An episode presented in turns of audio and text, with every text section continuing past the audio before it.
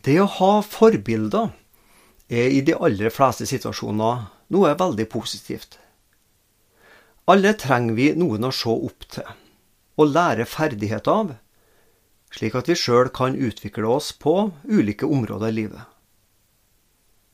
Kanskje tenker vi ikke over at dette også kan gjelde områder i kristenlivet som bønner.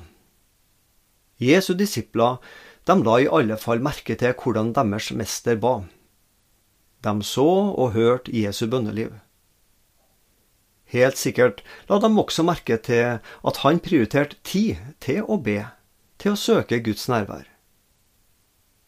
Disippelen Lukas han skriver dette skjedde at Jesus var et sted og ba. Da han holdt opp, sa en av disiplene hans til ham, Herre, lær oss å be, slik Johannes også lærte sine disipler å be. Disiplene ønska et bedre og djupere bønneliv. Dette kunne de først og fremst lære av Han som sjøl var mottakeren og målet for deres bønner, Jesus Kristus sjøl. Disippelen Matteus skrev ned mange ord og setninger hvor Jesus snakka om bønn. I en av talene som Jesus holdt, lærte han disiplene å be den bønna som vi for ettertid har kalt Herrens bønn. Og den kan vi lese om i Matteus kapittel 6 og vers 7-13. Når dere ber, skal dere ikke ramse opp ord slik som hedningene gjør. De tror de blir bønnhørt ved å bruke mange ord. Vær ikke lik dem. For dere har en far som vet hva dere trenger, før dere ber ham om det. Slik skal dere da be. Vår Far i himmelen. La navnet ditt helliges. La riket ditt komme. La viljen din skje på jorden slik som i himmelen. Gi oss i dag vårt daglige brød, og tilgi oss vår skyld, slik også vi tilgir våre skyldnere. Og la oss ikke komme i fristelse, men frels oss fra det onde. For riket er ditt, og makten og æren i evighet. Amen. Jesus starter med å si at vi ikke skal ramse opp ord slik som hedningene gjør. De tror de blir bønnhørt ved å bruke mange ord. Hedningene de trodde at resultatet av bønn ble avgjort av mengden ord de bar fram. Kvantiteten ble viktigere enn kvaliteten. Bønn det ble liksom bare ord, uten at hjertet og hodet nødvendigvis fulgte med i glosene som ble brukt. Også vi kristne kan jo stå i fare for å koble inn autopiloten, for å si det på den måten, når vi ber.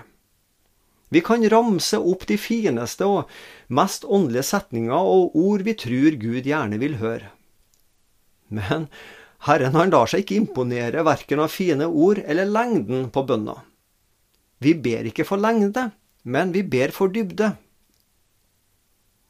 I stedet for å ramse opp mange og fine ord, kan du få be om det som ligger deg på hjertet. Gud ønsker først og fremst ærlighet. Når du ber, skal du tenke at du er som et barn som forteller far og mor hva du tenker på og hva du er opptatt av. Kvalitet går foran kvantitet. Ærlighet går foran lengde. Det er bedre med en kort og ærlig bønn, uttrykt med forståelige ord, enn en lang bønn fylt med ord som ikke finner gjenklang i hjertet.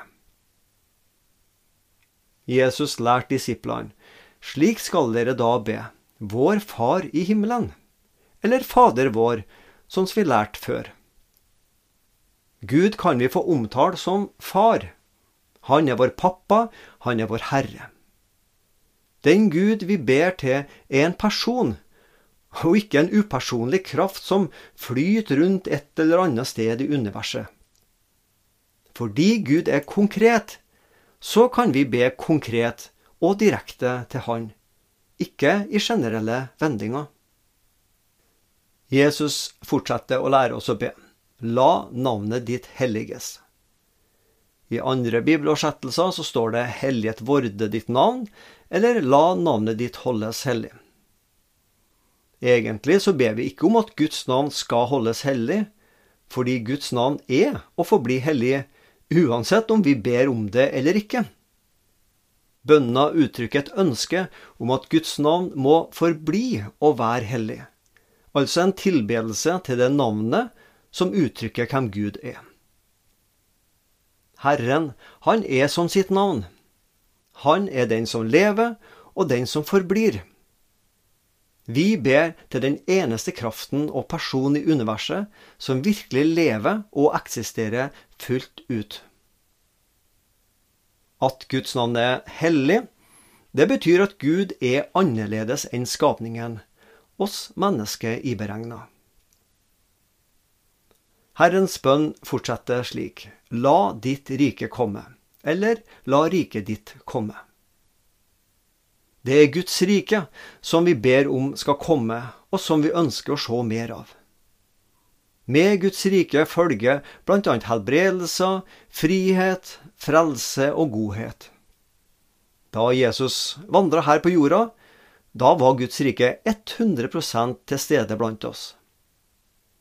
Dette Guds rike, det finnes fortsatt, er usynlig til stede blant oss. En dag skal vi få erfare det fullt ut. La din vilje skje, på jorden slik som i himmelen, fortsetter Jesus. Når vi opplever mer av Gud, da vil vi også erfare mer godhet.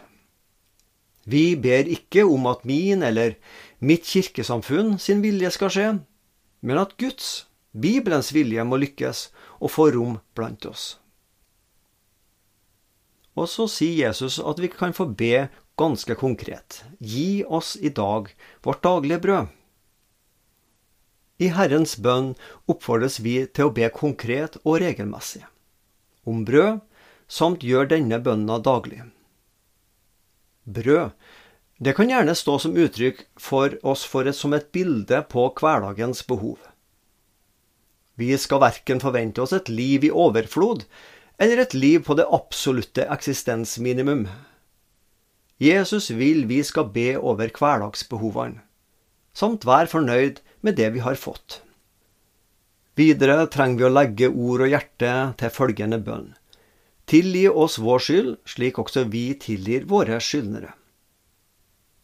Vi trenger altså å be om tilgivelse for egne synder, samt det å tilgi dem som ber oss om det. Jesus ber oss å be om å vise en tilgivende holdning, slik han sjøl viser mot syndere som deg og meg. Og dette er kanskje den vanskeligste bønna å lære, det å be om tilgivelse. Vi vet jo hvor vanskelig det er å be noen om forlatelse når vi har gjort noe galt mot noen.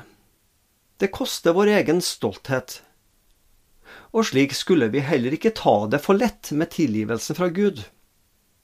Samtidig skal vi vite at når vi har bedt om tilgivelse med et ærlig hjerte, så har Jesus forlatt oss syndene våre. Vi kan stå i fare for at våre bønner blir veldig generelle. Jeg tror jeg bekjenner syndene ved å innrømme at jeg er en stor synder. I stedet skulle jeg bekjenne konkret de syndene jeg vet om. Eller så kan jeg be om at Gud vil velsigne misjonærene. Ja ja, men i stedet skulle jeg be om at misjonærene må få ha god helse, lære språk i landet, at misjonærbarna kan trives på internatskolen, osv. Jesus lærer oss å be konkret. Gud setter pris på spesifisert regning, for å være i økonomispråket. Videre fortsetter Herrens bønn. Og la oss ikke komme i fristelse, men frels oss fra det onde. Hvem og hva er det som frister oss? For det første så har fristeren et navn, djevelen. Han står Gud imot. For det andre møter alle kristne ulike fristelser i verden. Og for det tredje så bor det et begjær inne i den enkelte av oss. En menneskenatur som preges av syndefallet. Så også fra mitt eget indre så fristes jeg. Og fristelsene, de kan oppleves ulike for den enkelte kristne. Jesus han ber oss å søke Gud, at han kan og vil bevare oss og passe på oss. siden vi er så svake i møte med fristelser. Og når vi faller i synd, så kan, ja, da må vi be, Herre, tilgi meg. Denne bønna Vår Far eller Fader vår, den avsluttes med en tilbedelse og en bekjennelse. For riket er ditt, og makten og æren i evighet. Amen. Jesus lærte disiplene å tilbe Gud. Det å gi Gud æren for det som tilhører Han, Guds rike, makten og æren. Og så avslutter vi ved å si amen, som betyr at det står fast, ja, det er sikkert. Herrens bønn, Vår Far, Fadre vår, kan vi få be som en egen bønn, noe som skjer både privat, men også felles i gudstjenester. Videre så kan Herrens bønn fungere som en, ja, vi kan kalle det en bønnemal, et eksempel på hva kristen bønn inneholder. I Herrens bønn møter vi tilbedelse, synsbekjennelse samt bønn for egne behov. I tillegg bør også en kristen bønn inneholde takk til Herren Gud, samt forbønn for andres behov. Jesus, han var en mester i bønn både i de ordene han brukte, som tiden han satte av til samvær med sin far.